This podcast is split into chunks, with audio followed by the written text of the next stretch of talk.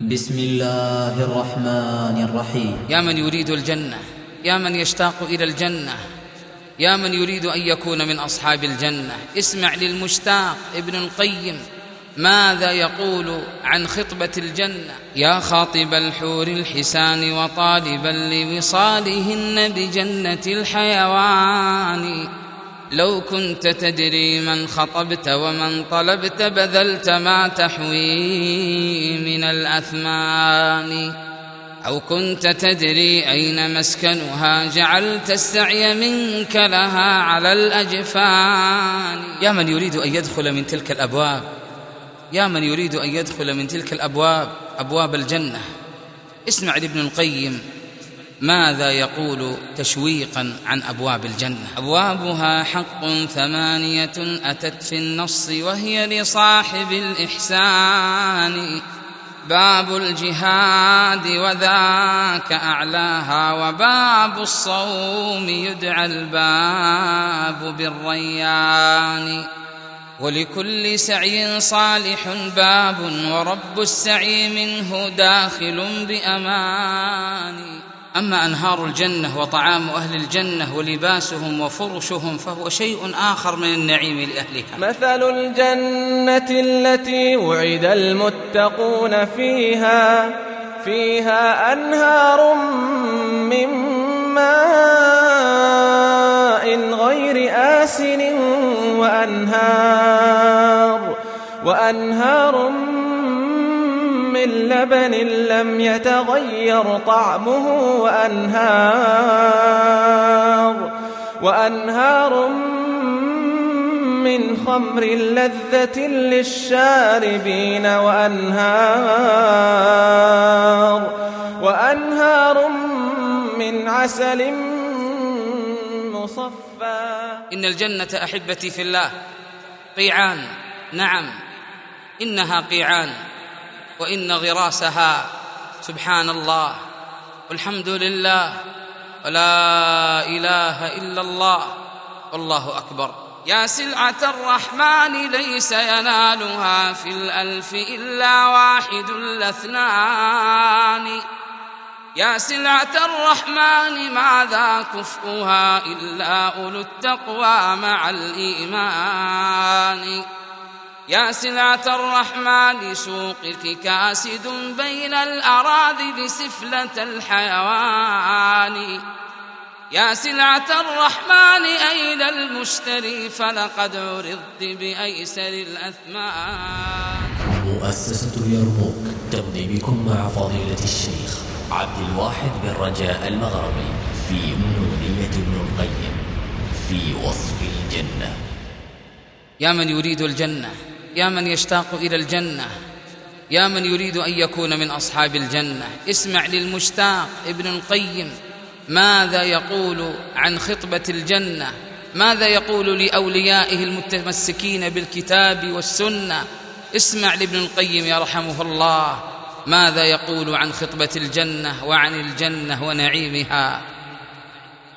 يا خاطب الحور الحسان وطالبا لوصالهن بجنة الحيوان.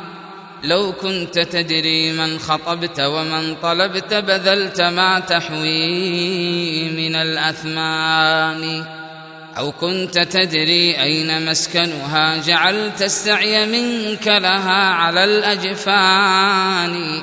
ولقد وصفت طريق مسكنها فإن رمت الوصال فلا تكن بالوان. أسرع وحث السير جهدك إنما مسراك هذا ساعة لزمان. فاعشق وحدث بالوصال النفس وابذل مهرها ما دمت ذا إمكان. واجعل صيامك قبل لقياها ويوم الوصل يوم الفطر من رمضان. واجعل نعوت جمالها الحادي وسر تلقى المخاوف وهي ذات أمان. لا يلهينك منزل لعبت به أيدي البلا مذ سالف الأزمان. فلقد ترحل عنه كل مسرة وتبدلت بالهم والأحزان. سجن يضيق بصاحب الإيمان لكن جنة المأوى لذي الكفران. سكانها أهل الجهالة والبطالة والسفاهة أنجس السكان. وألذهم عيشا فجاهلهم بحق الله ثم حقائق القرآن عمرت بهم هذه الديار وأقفرت منهم ربوع العلم والإيمان. قد آثروا الدنيا ولذة عيشها الفاني على الجنات والرضوان. صحبوا الأماني وابتلوا بحظوظهم ورضوا بكل مذلة وهوان. كدحا وكدا لا يفتر عنهم ما فيه من غم ومن أحزان. والله لو شاهدت هاتيك الصدور رأيتها كمراجل النيران. ووقودها الشهوات والحسرات والآلام لا تخبو مدى الأزمان. أبدانهم أجداث هاتيك النفوس اللائي قد قبرت مع الأبدان. أرواحهم في وحشة وجسومهم في كدحها لا في رضا الرحمن. هربوا من الرق الذي خلقوا له فبلوا برق النفس والشيطان. لا ترضى ما اختاروه هم لنفوسهم فقد ارتضوا بالذل والحرمان. لو ساوت الدنيا جناح بعوضة لم يسق منها الرب ذا الكفران. لكنها والله أحقر عنده من ذا الجناح القاصر الطيران. لا يرتجى منها الوفاء لصبها. أين الوفى من غادر خوان؟ طبعت على كدر فكيف ينالها صفوا؟ أهذا قط في الإمكان. يا عاشق الدنيا تأهب للذي قد ناله العشاق كل زمان. أوما سمعت بل رأيت مصارع العشاق من شيب ومن شبان. فاسمع يا من يشتاق إلى الجنة اسمع أوصافها اسمع أوصاف تلك المنازل ربة الإحسان. واسمع ما قاله ابن القيم عنها يرحمه الله. فاسمع إذا أوصافها وصفاتها تلك المنازل ربة الإحسان. هي جنة طابت وطاب نعيمها فنعيمها باق وليس بفاني. دار السلام وجنة المأوى ومنزل عسكر الإيمان والقرآن فالدار دار سلامة وخطابهم فيها سلام واسم ذي الغفران. درجاتها مئة وما بين اثنتين فذاك في التحقيق للحسبان. مثل الذي بين السماء وبين هذه الأرض قول الصادق البرهان. لكن عاليها هو الفردوس مسقوف بعرش الخالق الرحمن. وسط الجنان وعلوها فلذاك كانت قبة من أحسن البنيان. منه تفجر سائر الأنهار فالمنبوع منه نازل بجنان. يا من يريد أن يدخل من تلك الأبواب يا من يريد أن يدخل من تلك الأبواب أبواب الجنة. اسمع لابن القيم ماذا يقول تشويقا عن أبواب الجنة؟ أبوابها حق ثمانية أتت في النص وهي لصاحب الإحسان. باب الجهاد وذاك أعلاها وباب الصوم يدعى الباب بالريان. ولكل سعي صالح باب ورب السعي منه داخل بأمان. ولسوف يدعى المرء من أبوابها جمعا إذا وفى حلى الإيمان. منهم أبو بكر هو الصديق ذاك خليفة المبعوث بالقرآن. هذا وفتح الباب ليس بممكن إلا بمفتاح على أسنان. مفتاحه بشهادة الإخلاص والتوحيد تلك شهادة الإيمان. أسنانه الأعمال وهي شرائع الإسلام والمفتاح بالأسنان. لا تلغين هذا المثال فكم به من حل اشكال لذي العرفان. هذا ومن يدخل فليس بداخل إلا بتوقيع من الرحمن. وكذاك يكتب للفتى لدخوله من قبل توقيعان مشهوران. إحداهما بعد الممات وعرض أرواح العباد به على الديان. فيقول رب العرش جل جلاله للكاتبين وهم أولو الديوان. ذا الاسم في الديوان يكتب ذاك ديوان الجنان مجاور المنان. ديوان عليين أصحاب القرآن وسنة المبعوث بالقرآن. فإذا انتهى للجسر يوم الحشر يعطى للدخول إذا كتابا ثاني.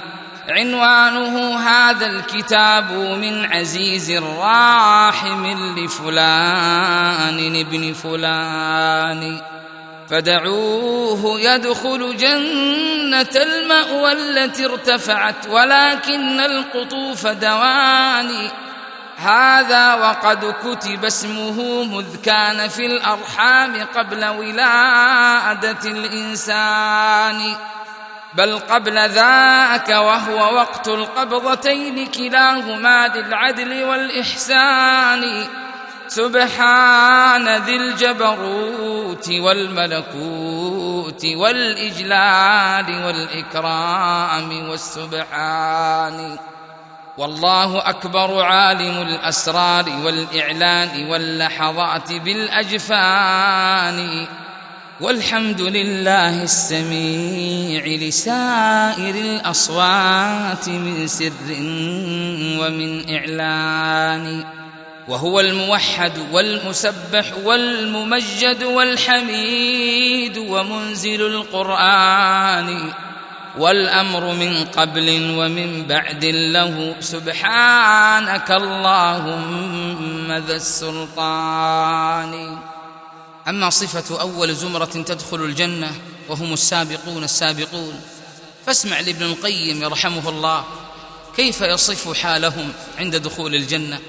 وكيف يصف تفاضلهم وذكر أعلى منزلتهم ودرجاتهم؟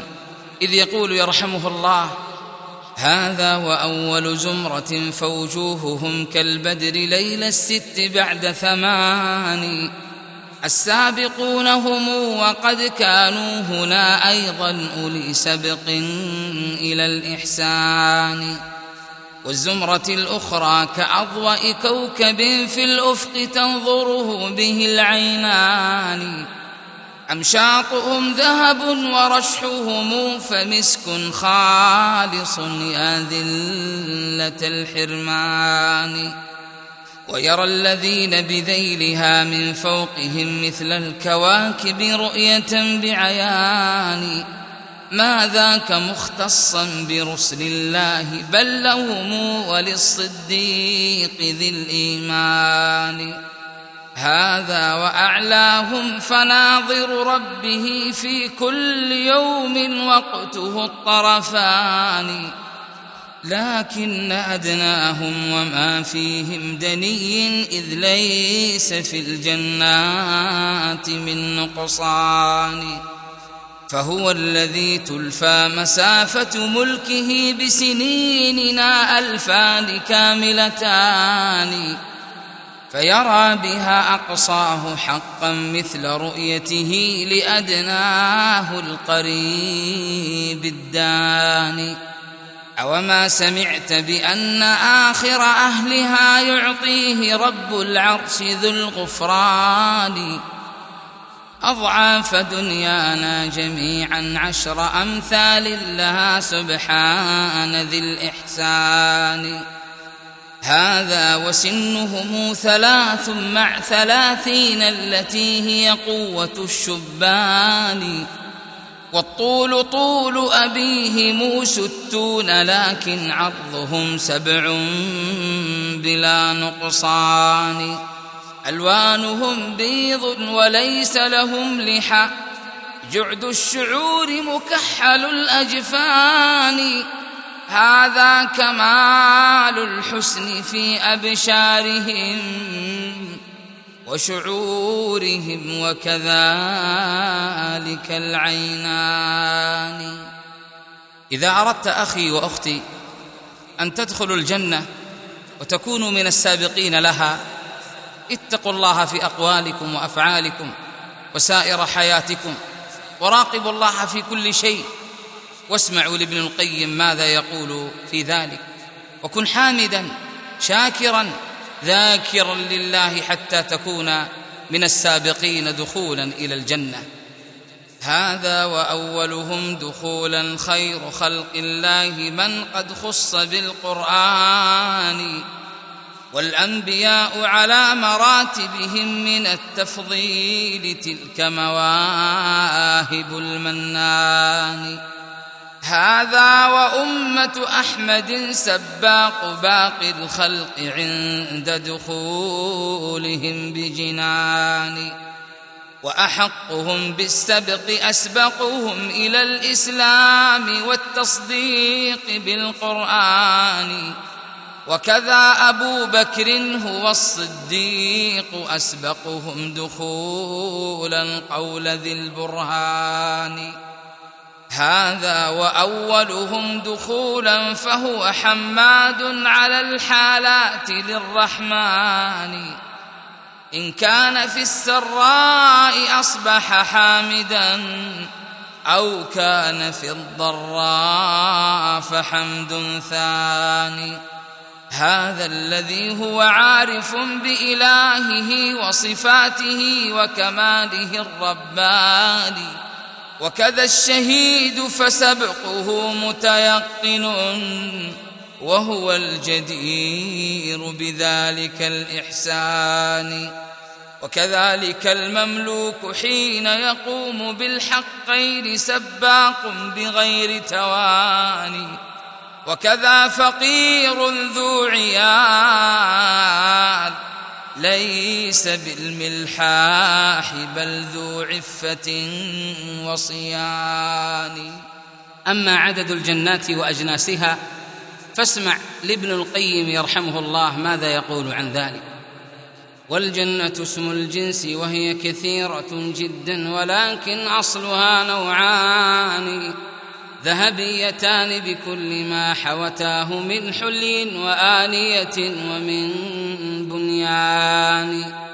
وكذاك أيضا فضة ثنتان من حلي وبنيان وكل أواني لكن دار الخلد والمأوى وعدن والسلام إضافة لمعاني. لكنما الفردوس أعلاها وأوسطها مساكن صفوة الرحمن. أعلاه منزلة لأعلى الخلق منزلة هو المبعوث بالقرآن. وهي الوسيلة وهي أعلى رتبة خلصت له فضلا من الرحمن. سبحان من غرست يداه جنة الفردوس عند تكامل البنيان. ويداه أيضا أتقنت لبنائها. فتبارك الرحمن أعظم باني فيها الذي والله لا عين رأت كلا ولا سمعت به الأذنان. كلا ولا قلب به خطر المثال له. تعالى الله ذو السلطان. أما بناء الجنة وأرضها وحصباؤها وترابها وغرفاتها فنعم ذاك النعيم. نعم نعم ذاك النعيم. فإذا أردت أخي وأختي دخول تلك الغرفات والخيام فشد العزم وكن صاحب همة عالية للخير. كن صاحب همة عالية للجنة. واسمع لابن القيم ماذا يقول عن ذلك. وبناؤها اللبنات من ذهب وأخرى فضة نوعان مختلفان. وقصورها من لؤلؤ وزبرجد أو فضة أو خالص العقيان وكذاك من در وياقوت به نظم البناء بغاية الإتقان.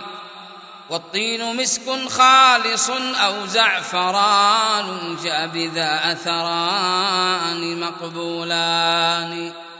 والأرض مرمرة كخالص فضة مثل المرات تناله العينان. حصباؤها در وياقوت كذاك لآلئ نثرت كنثر جمان وترابها من زعفران أو من المسك الذي ما استل من غزلان غرفاتها في الجو ينظر بطنها من ظهرها والظهر من بطنان سكانها أهل القيام مع الصيام وطيب الكلمات والإحسان. للعبد فيها خيمة من لؤلؤ قد جوفت هي صنعة الرحمن. ستون ميلا طولها في الجو في كل الزوايا أجمل النسوان. يغشى الجميع فلا يشاهد بعضهم بعضا وهذا لاتساع مكان فيها مقاصير بها الأبواب من ذهب ودر زين بالمرجان وخيامها منصوبة برياضها وشواطئ الأنهار ذي الجريان ما في الخيام سوى التي لو قابلت للنيرين لقلت منكسفان. لله هاتيك الخيام فكم بها للقلب من علق ومن أشجان. فيهن حور قاصرات الطرف خيرات حسان هن خير حسان. خيرات أخلاق حسان أوجها فالحسن والإحسان متفقان. أخي الحبيب أختي المسلمة إذا أردتم أن تجلسوا في ظلال أشجار الجنة وتأكلوا من ثمارها نعم وشد العزم بإيمانك ويقينك بخالقك نعم واسمع لابن القيم ماذا يقول عن أشجار وثمار وظلال الجنة. أشجارها نوعان منها ما له في هذه الدنيا مثال ثاني. كالسدر أصل النبق مخضود مكان الشوك من ثمر ذوي ألوان. هذا وظل السدر من خير الظلال ونفعه الترويح للأبدان. وثماره أيضا ذوات منافع من بعضها تفريح ذي الأحزان. والطلح وهو الموز منضود كما نضدت يد بأصابع وبنان. وكذلك الرمان والأعناب والنخل التي منها القطوف دوان. هذا ونوع ما له في هذه الدنيا نظير كي يرى بعيان. يكفي من التعداد قول إلهنا من كل فاكهة بها زوجان. فيلذها في الأكل عند منالها وتلذها من قبله العينان. يا طيب هاتي كالثمار وغرسها في المسك ذاك الترب للبستان. وكذلك الماء الذي يسقى به يا طيب ذاك الورد للظمآن. وإذا تناولت الثمار أتت نظيرتها فحلت دونها بمكان. لم تنقطع أبدا ولم ترقب نزول الشمس من حمل إلى ميزان. وكذاك لم تمنع ولم تحتج إلى أن ترتقي للقنو في العيدان. بل ذللت تلك القطوف فكيف ما شئت انتزعت بأسهل الإمكان. يا خسارة والله يا خسارة والله لمن يسمع الغناء في الدنيا. كيف آثر الأدنى على الأعلى هناك في الجنة؟ يا من يريد أن يسمع غناء الجنة غناء الحور العين في الجنة. أتراك تقدم لذة الفساق في الدنيا على لذة النعيم المقيم هناك لذة الأبرار في الجنة. اسمع لابن القيم ماذا يقول عن سماع أهل الجنة. قال ابن عباس ويرسل ربنا ريحا تهز ذوائب الأغصان فتثير أصواتا تلذ لمسمع الإنسان كالنغمات بالأوزان. يا لذة الأسماع لا تتعوضي بلذاذة الأوتار والعيدان. أوما سمعت سماعهم فيها غناء الحور بالأصوات والألحان. وهل لذياك السماع فإنه ملئت به الأذنان بالإحسان. وهل لذياك السماع وطيبه من مثل أقمار على أغصان؟ وهل لذياك السماع فكم به للقلب من طرب ومن أشجان؟ وهل لذياك السماع ولم أقل ذياك تصغيرا له بلساني؟ ما ظن سامعيه بصوت أطيب الأصوات من حور الجنان حسان. نحن النواعم والخوالد خيرات كاملات الحسن والإحسان. لسنا نموت ولا نخاف وما لنا سخط ولا ضغن من الأضغان. طوبى لمن كنا له وكذاك طوبى للذي هو حظنا لفظان نزه سماعك إن أردت سماع ذياك الغنى عن هذه الألحان. لا تؤثر الأدنى على الأعلى فتحرم ذا وذا يا ذلة الحرمان. إن اختيارك للسماع النازل الأدنى على الأعلى من النقصان. والله إن سماعهم في القلب والإيمان مثل السم في الأبدان. والله من فك الذي هو دأبه أبدا من الإشراك بالرحمن. فالقلب بيت الرب جل جلاله حبا وإخلاصا مع الإحسان. فإذا تعلق بالسماع أصاره عبدا لكل فلانة وفلان. حب الكتاب وحب ألحان الغنى في قلب عبد ليس يجتمعان. فقل الكتاب عليهم لما رأوا تقييده بشرائع الإيمان وله خف عليهم لما رأوا ما فيه من طرب ومن ألحان. قوت النفوس وإنما القرآن قوت القلب أنا يستوي القوتان. وألذهم فيه أقلهم من العقل الصحيح فسل أخ العرفان.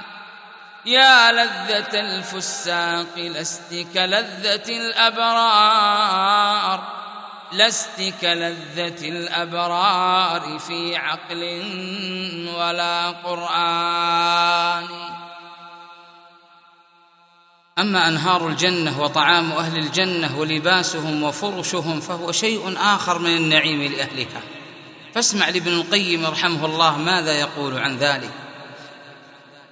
أنهارها في غير أخدود جرت سبحان ممسكها عن الفيضان. من تحتهم تجري كما شاءوا مفجرة وما للنهر من نقصان.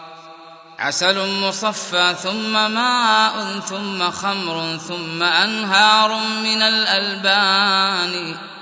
والله ما تلك المواد كهذه لكنهما في اللفظ مجتمعان. هذا وبينهما يسير تشابه وهو اشتراك قام بالأذهان.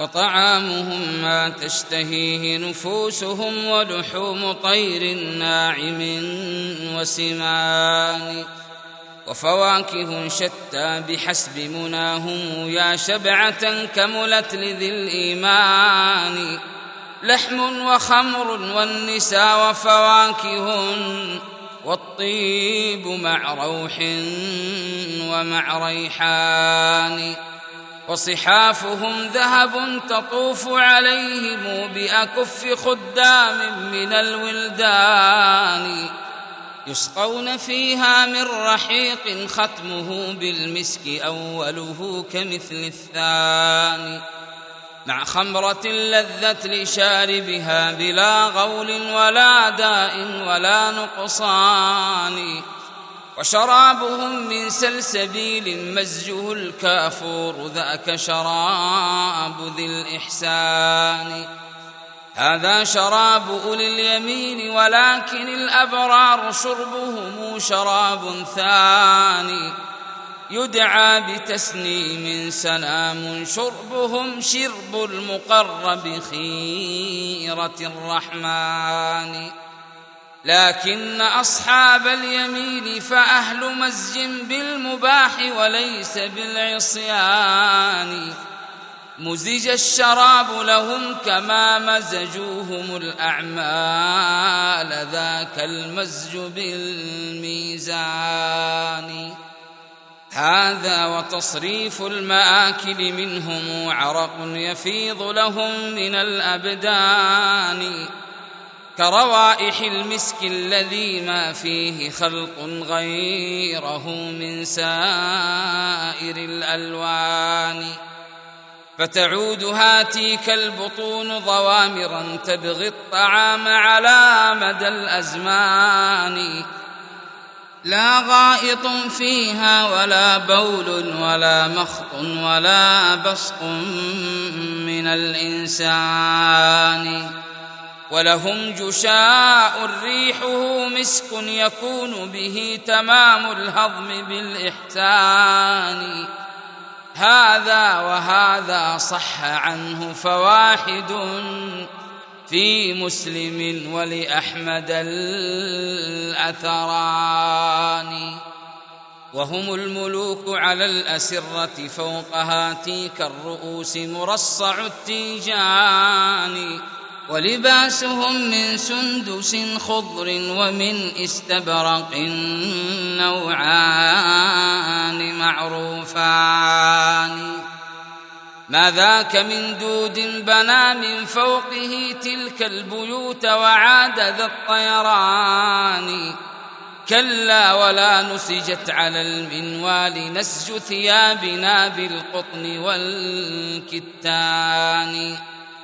لكنها حلل تشق ثمارها عنها. رأيت شقائق النعمان بيض وخضر ثم صفر ثم حمر كالرباط بأحسن الألوان.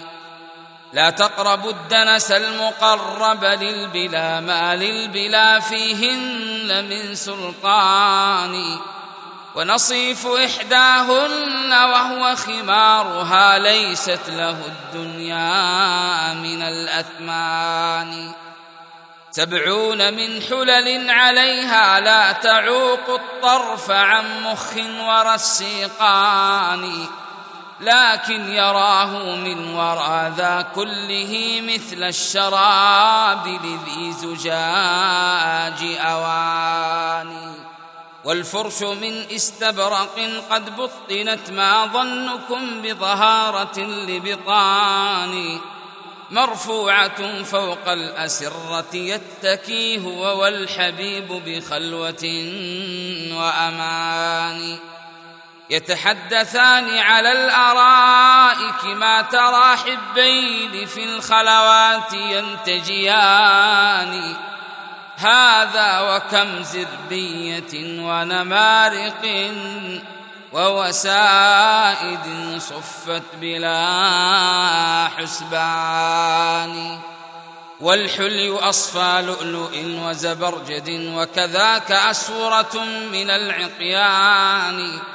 ما ذاك يختص الإناث وإنما هو للإناث كذاك للذكران. التاركين لباسه في هذه الدنيا لأجل لباسه بجنان. أوما سمعت بأن حليتهم إلى حيث انتهاء وضوئهم بوزان. ما ذاك إلا موضع الكعبين والزندين للساقان والعضدان. وكذاك أهل الفقه مختلفون في هذا وفيه عندهم قولان. والراجح الأقوى انتهاء وضوئنا للمرفقين كذلك الكعبان. هذا الذي قد حده الرحمن في القرآن لا تعدل عن القرآن.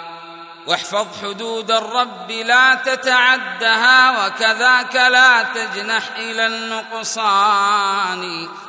وانظر إلى فعل الرسول تجده قد أبدى المراد وجاء بالتبيان. أما صفة عرائس الجنة وحسنهن وجمالهن ولذة وصالهن ومهورهن فاسمع لذلك النعيم المقيم. يا من يريد هذا النعيم اسمع واتق الله في نفسك اتق الله في ربك اتق الله في أولادك وفي أوقاتك وخف الله حتى تنال ذلك النعيم المقيم. اسمع لابن القيم كيف يصف عرائس الجنة؟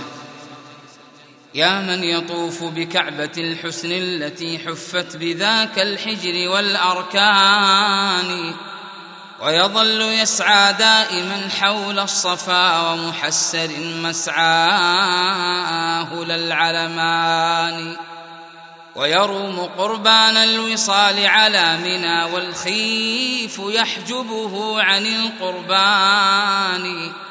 فلذا تراه محرما أبدا وموضع حله منه فليس بدان. يبغي التمتع مفردا من حبه متجردا يبغي شفيع قران. فيظل بالجمرات يرمي قلبه هذه مناسكه بكل زمان. والناس قد قضوا مناسكهم وقد حثوا ركائبهم إلى الأوطان وحدت بهم همم لهم وعزائم نحو المنازل أول الأزمان. رفعت لهم في السير أعلام الوصال فشمروا يا خيبة الفسحان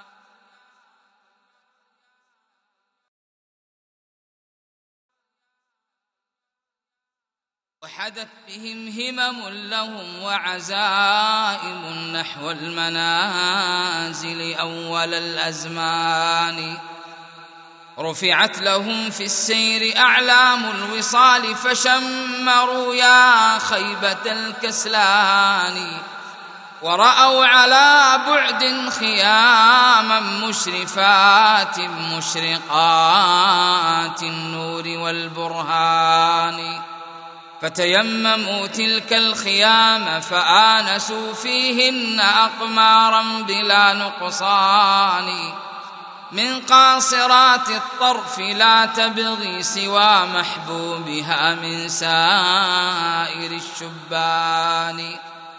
قصرت عليه طرفها من حسنه والطرف في ذا الوجه للنسوان.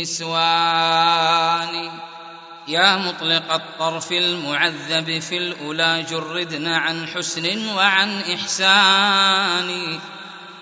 لا تسبينك صورة من تحتها الداء الدوي تبوء بالخسران.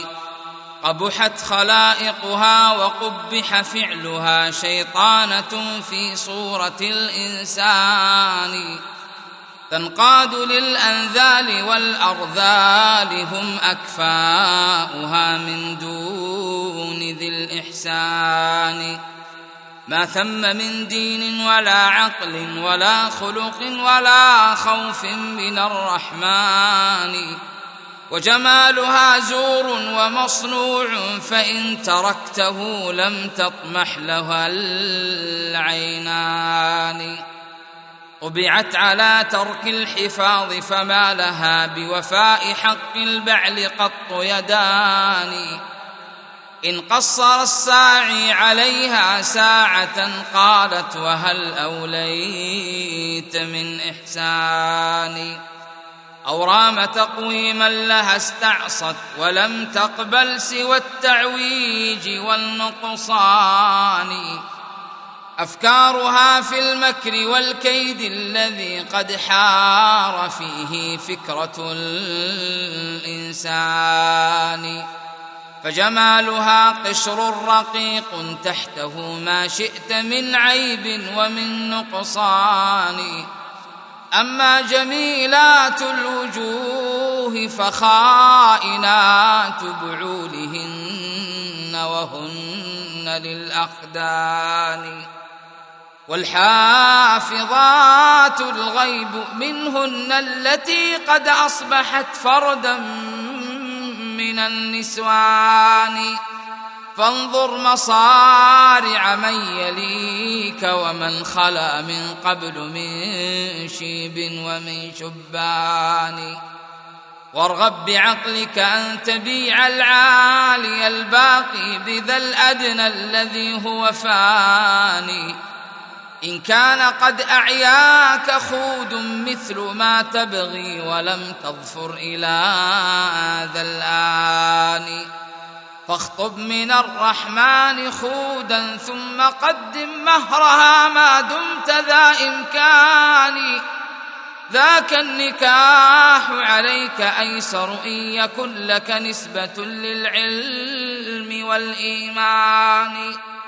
والله لم تخرج إلى الدنيا للذة عيشها أو للحطام الفاني.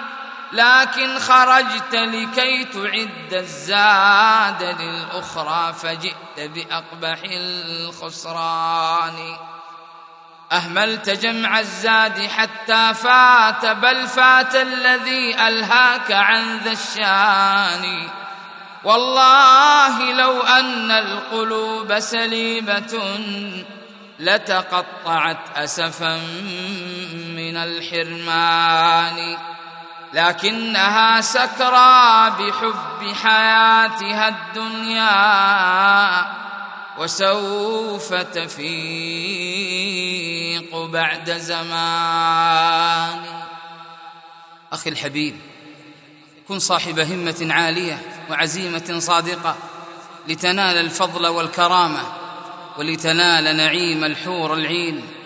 فاسمع صفات عرائس الجنات ثم اختر أي الطريق تختار؟ اسمع لابن القيم ماذا يقول عن صفات عرائس الجنات. فاسمع صفات عرائس الجنات ثم اختر لنفسك يا أخ العرفان. حور حسان قد كمل خلائقا ومحاسنا من أجمل النسوان.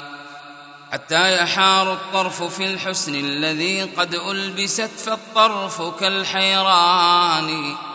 ويقول لما أن يشاهد حسنها سبحان معطي الحسن والإحسان. والطرف يشرب من كؤوس جمالها فتراه مثل الشارب النشوان. كملت خلائقها وأكمل حسنها كالبدر ليل الست بعد ثمان والشمس تجري في محاسن وجهها والليل تحت ذوائب الأغصان ويقول سبحان الذي ذا صنعه سبحان متقن صنعة الإنسان الليل يدرك شمسا فتغيب عند مجيئه حتى الصباح الثاني.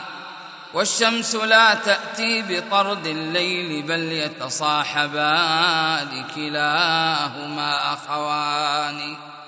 وكلاهما مرآة صاحبه إذا ما شاء يبصر وجهه يريان. فيرى محاسن وجهه في وجهها وترى محاسنها به بعيان.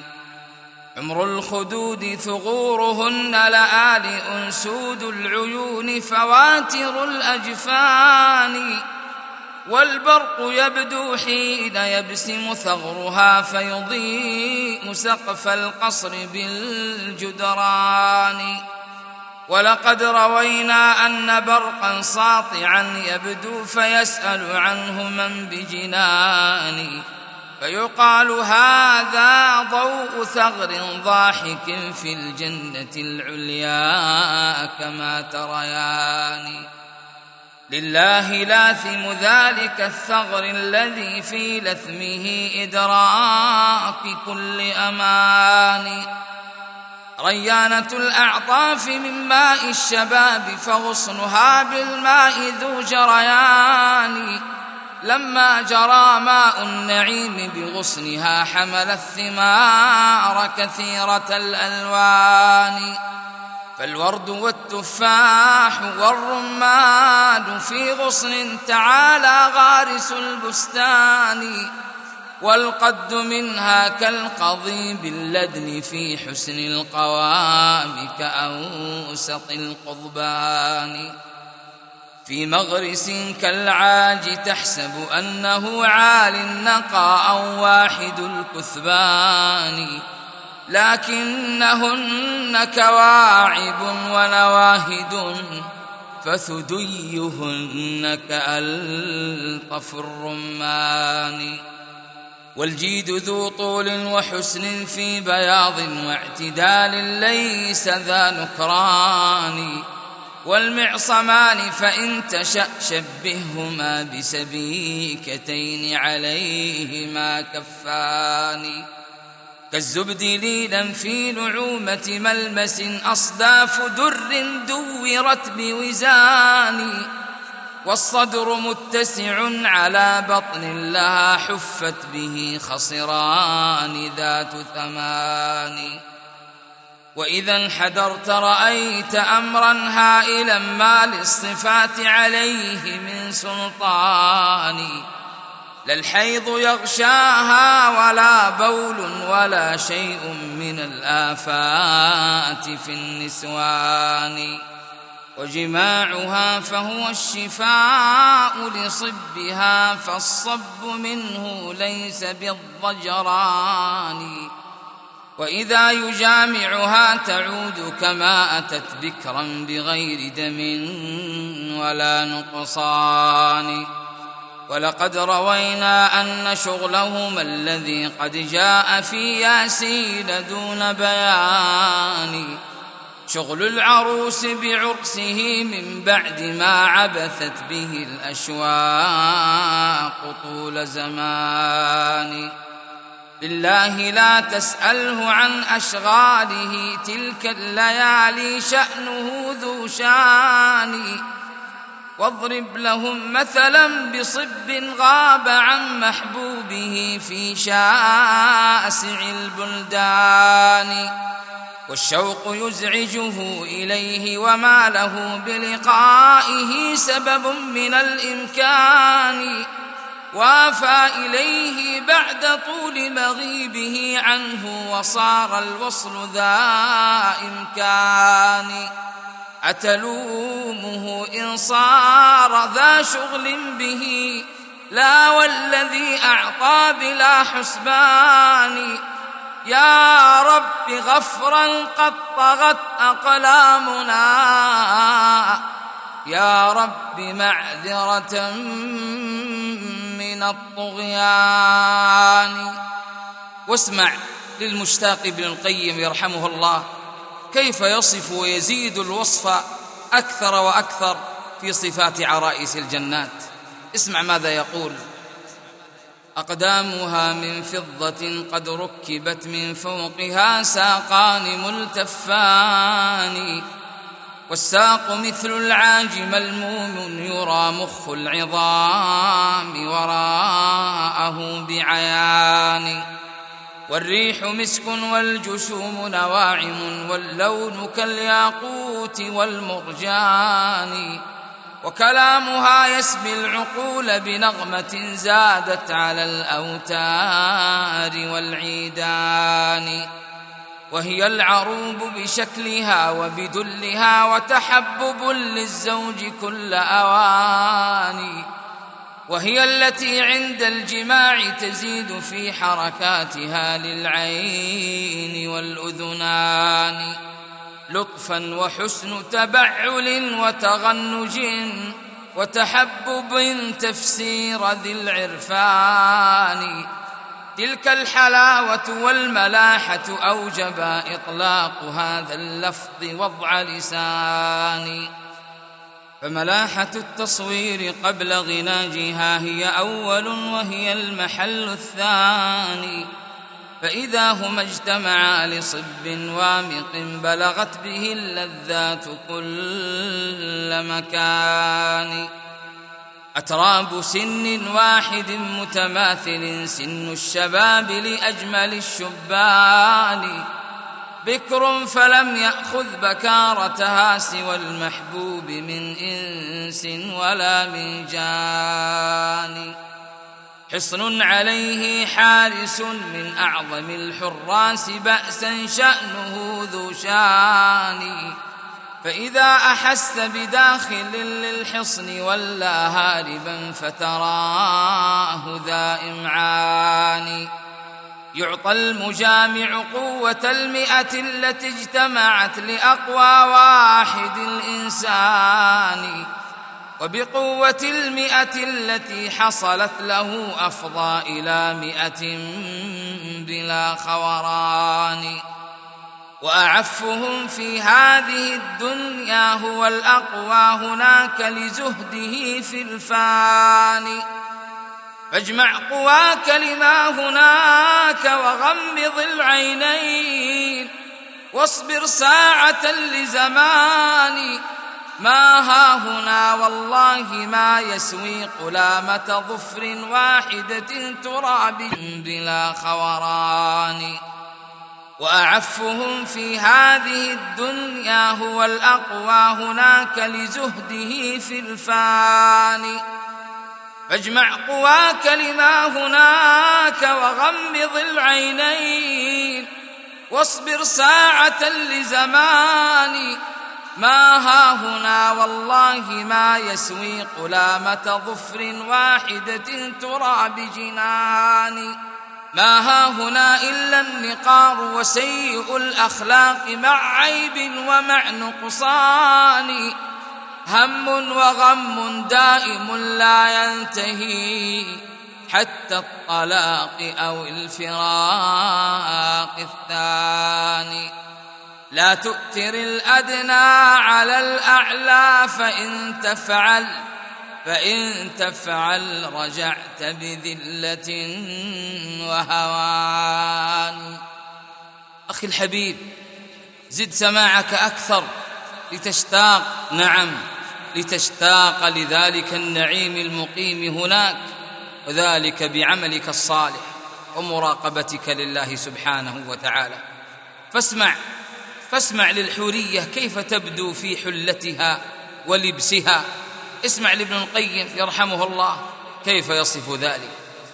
وإذا بدت في حلة من لبسها وتمايلت كتمايل النشوان تهتز كالغصن الرطيب وحمله ورد وتفاح على رمان. وتبخترت في مشيها ويحق ذاك لمثلها في جنة الحيوان. ووصائف من خلفها وأمامها وعلى شمائلها وعن أيمان. كالبدر ليلة تمه قد حف في غسق الدجى بكواكب الميزان.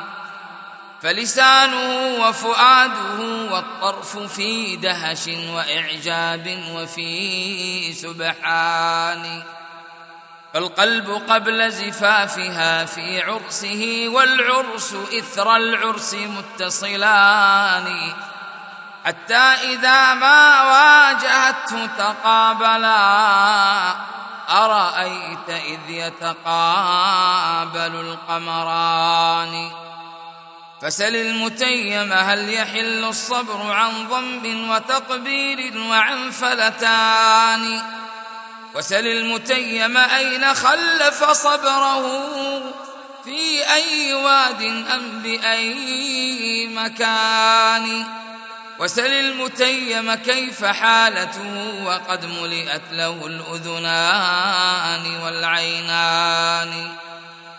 وسل المتيم كيف عيشته إذا وهما على فرشيهما خلوان يتساقطان لآل أم منثورة من بين منظوم كنظم جمان وسل المتيم كيف مجلسه مع المحبوب في روح وفي ريحان وتدور كاسات الرحيق عليهما بأكف أقمار من الولدان. يتنازعان الكأس هذا مرة والخود أخرى ثم يتكئان. فيضمها وتضمه أرأيت معشوقين بعد البعد يلتقيان. غاب الرقيب وغاب كل منكد وهما بثوب الوصل مشتملان ويزيد كل منهما حبا لصاحبه جديدا سائر الأزمان ووصاله يكسوه حبا بعده متسلسلا لا ينتهي بزمان يا غافلا عما خلقت له انتبه. جد الرحيل فلست باليقظان. سار الرفاق وخلفوك مع الأولى قنعوا بذا الحظ الخسيس الفاني. ورأيت أكثر من ترى متخلفا فتبعتهم فرضيت بالحرمان. منتك نفسك باللحاق مع القعود عن المسير وراحة الأبدان. ولسوف تعلم حين ينكشف الغطاء ماذا صنعت وكنت ذا إمكان. أيها الأحبة كل ما ذكر من النعيم المقيم عند رب العالمين في الجنة لا يساوي شيئا أمام أفضل وأجل نعيم في الجنة. أتدرون ما هذا النعيم؟ إنه رؤية أهل الجنة لربهم في الجنة. إنه كالبدر ليلة تمامه وكماله. إنه الله جل جلاله. اللهم لا تحرمنا رؤيتك. اللهم لا تحرمنا رؤيتك. بسوء ما عندنا من الذنوب والمعاصي. اسمع أخي الحبيب وأختي المسلمة لابن القيم ماذا يقول عن ذلك؟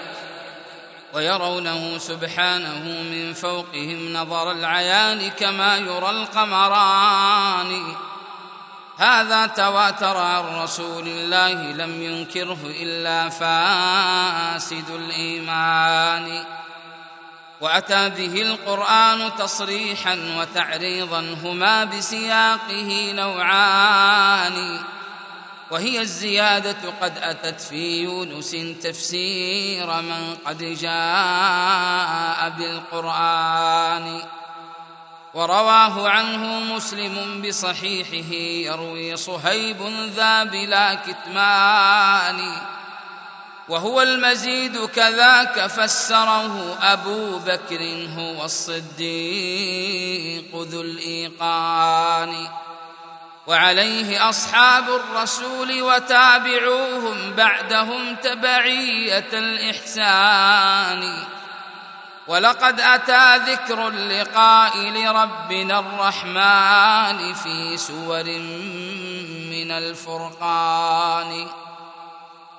ولقاؤه إذ ذاك رؤيته حكى الإجماع فيه جماعة ببيان وعليه أصحاب الحديث جميعهم لغة وعرفا ليس يختلفان.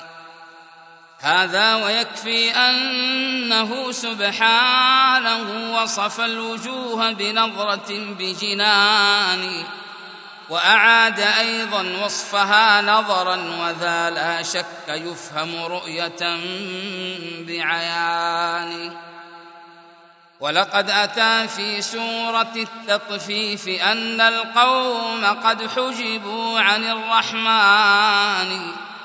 فيدل بالمفهوم أن المؤمنين يرونه في جنة الحيوان.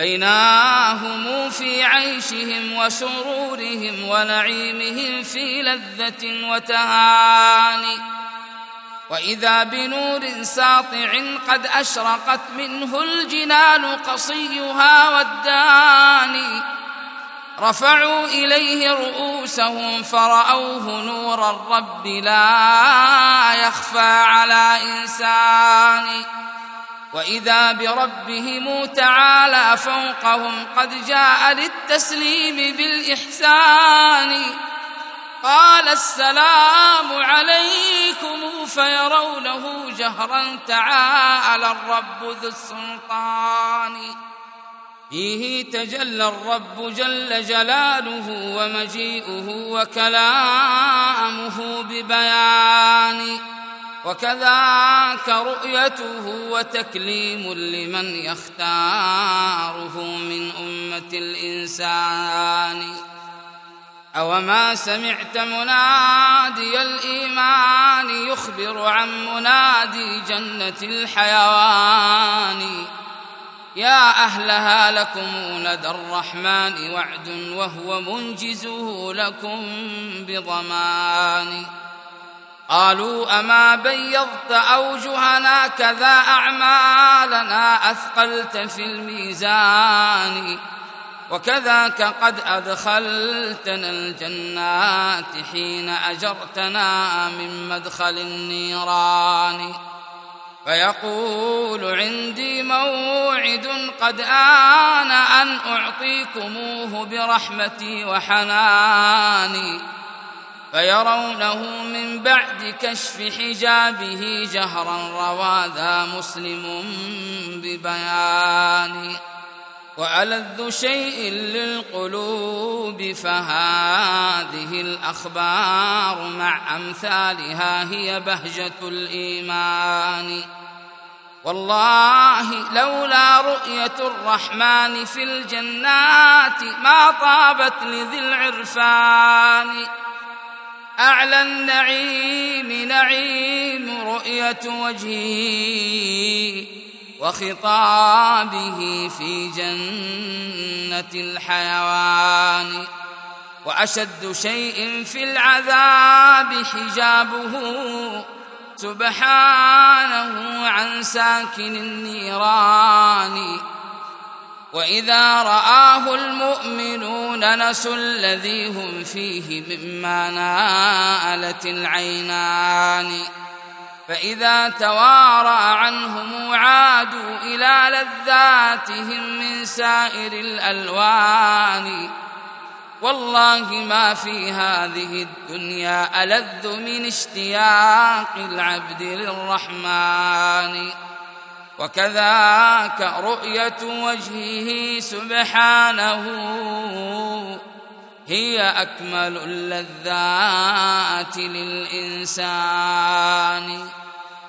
أما كلام الرب جل جلاله مع أهل الجنة في يوم المزيد فما أعظمه من نعيم وما أجله من فضل للمؤمنين هناك. اسمع لابن القيم يرحمه الله ماذا يقول عن ذلك؟ أوما علمت بأنه سبحانه حقا يكلم حزبه بجنان. فيقول جل جلاله هل أنتم راضون؟ قالوا نحن ذو رضوان. أم كيف لا نرضى؟ وقد أعطيتنا ما لم ينله قط من إنسان. ويسلم الرحمن جل جلاله حقا عليهم وهو في القرآن. وكذاك يسمعهم لذيذ خطابه سبحانه بتلاوة الفرقان. أوما سمعت بشأنهم يوم المزيد وأنه شأن عظيم الشان. هو يوم جمعتنا ويوم زيارة الرحمن وقت صلاتنا وأذان. والسابقون إلى الصلاة هم الأولى فازوا بذاك السبق بالإحسان. سبق بسبق والمؤخر ها هنا متأخر في ذلك الميدان. والأقربون إلى الإمام فهم أولو الزلفى. هناك فها هنا قربان. قرب بقرب والمباعد مثله بعد ببعد حكمة الديان. ولهم منابر لؤلؤ وزبرجد ومنابر الياقوت والعقيان. هذا وأدناهم وما فيهم دني من فوق ذاك المسك كالكثبان. ما عندهم أهل المنابر فوقهم مما يرون بهم من الإحسان. فيرون ربهم تعالى جهرة نظر العيان كما يرى القمران. ويحاضر الرحمن واحدهم محاضرة الحبيب يقول يا ابن فلان هل تذكر اليوم الذي قد كنت فيه مبارزا بالذنب والعصيان؟ فيقول رب أما مننت بغفرة قدما فإنك واسع الغفران. فيجيبه الرحمن مغفرة التي قد أوصلتك إلى المحل الداني. ويظلهم إذ ذاك منه سحابة تأتي بمثل الوابل الهتان. بيناهم في النور إذ غشيتهم سبحان منشيها من الرضوان. فتظل تمطرهم بطيب ما رأوا شبها له في سالف الأزمان. فيزيدهم هذا جمالا فوق ما لهم وتلك مواهب المنان. فيقول جل جلاله قوموا إلى ما قد ذخرت لكم من الإحسان. يأتون سوقا لا يباع ويشترى فيه فخذ منه بلا أثمان. لله سوق قد أقامته الملائكة الكرام بكل ما إحسان. فيها الذي والله لا عين رأت كلا ولا سمعت به أذنان. كلا ولم يخطر على قلب امرئ فيكون عنه معبرا بلساني وهل لذا السوق الذي من حله نال التهاني كلها بأمان. يدعى بسوق تعارف ما فيه من صخب ولا غش ولا أيمان. يا من تعوض عنه بالسوق الذي ركزت لديه راية الشيطان. لو كنت تدري قدر ذاك السوق لم تركن إلى سوق الكساد الفاني فإذا هم رجعوا إلى أهليهم بمواهب حصلت من الرحمن. قالوا لهم أهلا ورحبا ما الذي أعطيتم من ذا الجمال الثاني؟ والله لازددتم جمالا فوق ما كنتم عليه قبل هذا الآن. قالوا وأنتم والذي أنشأكم قد زدتم حسنا على الإحسان. لكن يحق لنا وقد كنا إذا جلساء رب العرش ذي الرضوان فهم إلى يوم المزيد أشد شوقا من محب للحبيب الداني هذا وخاتمة النعيم خلودهم أبدا بدار الخلد والرضوان. أوما سمعت منادي الإيمان يخبر عن مناديهم بحسن بيان. لكم حياة ما بها موت وعافية بلا سقم ولا أحزان.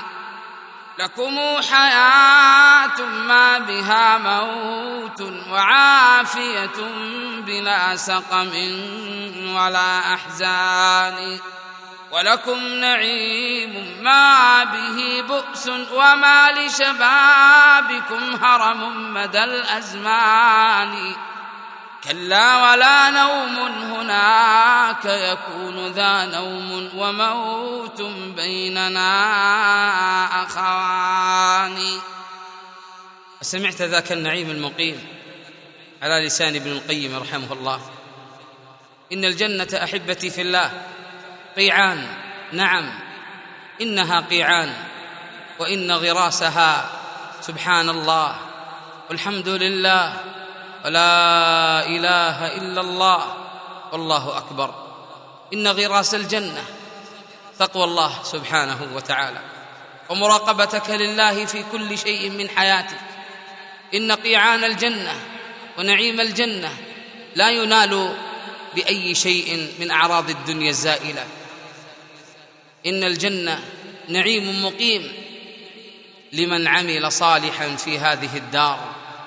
اسمع لابن القيم كيف يصف غراس الجنة بالكلام الطيب والعمل الصالح؟ فاسمع له ماذا يقول. أوما سمعت بأنها القيعان فاغرس ما تشاء بذا الزمان الفاني وغراسها التسبيح والتكبير والتحميد والتوحيد للرحمن. تبا لتارك غرسه ماذا الذي قد فاته من مدة الإمكان. يا من يقر بذا ولا يسعى له. بالله قل لي كيف يجتمعان. أرأيت لو عطلت أرضك من غراس ما الذي تجني من البستان؟ بالله ما عذر امرئ هو مؤمن حقا بهذا ليس باليقظان. بل قلبه في رقدة فإذا استفاق فلبسه هو حلة الكسلان. تالله لو شاقتك جنات النعيم طلبتها بنفائس الأثمان. وسعيت جهدك في وصال نواعم وكواعب بيض الوجوه حسان جليت عليك عرائس والله لو تجلى على صخر من الصوان. رقت حواشيه وعاد لوقته ينهال مثل نقم من الكثبان. لكن قلبك في القساوة جاز حد الصخر والحصباء في أشجان. لو هزك الشوق المقيم وكنت ذا حس لما استبدلت بالأدوان. أو صادفت منك الصفات حياة قلب كنت ذا طلب لهذا الشان. خود تزف إلى ضرير مقعد. يا محنة الحسناء بالعميان. شمس تزف إليه ماذا حيلة العنيد في الغشيان. يا سلعة الرحمن لست رخيصة. بل أنت غالية على الكسلان. يا سلعة الرحمن ليس ينالها في الألف إلا واحد الاثنان. يا سلعة الرحمن ماذا كفؤها إلا أولو التقوى مع الإيمان؟ يا سلعة الرحمن سوقك كاسد بين الأراضي سفلة الحيوان. يا سلعة الرحمن أين المشتري؟ فلقد عرضت بأيسر الأثمان. يا سلعة الرحمن هل من خاطب؟ فالمهر قبل الموت ذو إمكان. يا سلعة الرحمن كيف تصبر الخطاب عنك وهم ذو إيمان؟ يا سلعة الرحمن لولا أنها حجبت بكل مكاره الإنسان ما كان عنها قط من متخلف وتعطلت دار الجزاء الثاني. لكنها حجبت بكل كريهة ليصد عنها المبطل المتواني وتنالها الهمم التي تسمو إلى رب العلا بمشيئة الرحمن.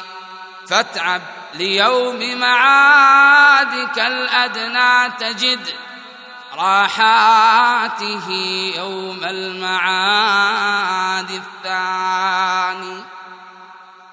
من إصداراتنا لفضيلة الشيخ عبد الواحد بن رجاء المغربي قصائد مختارة في الآداب والأخلاق.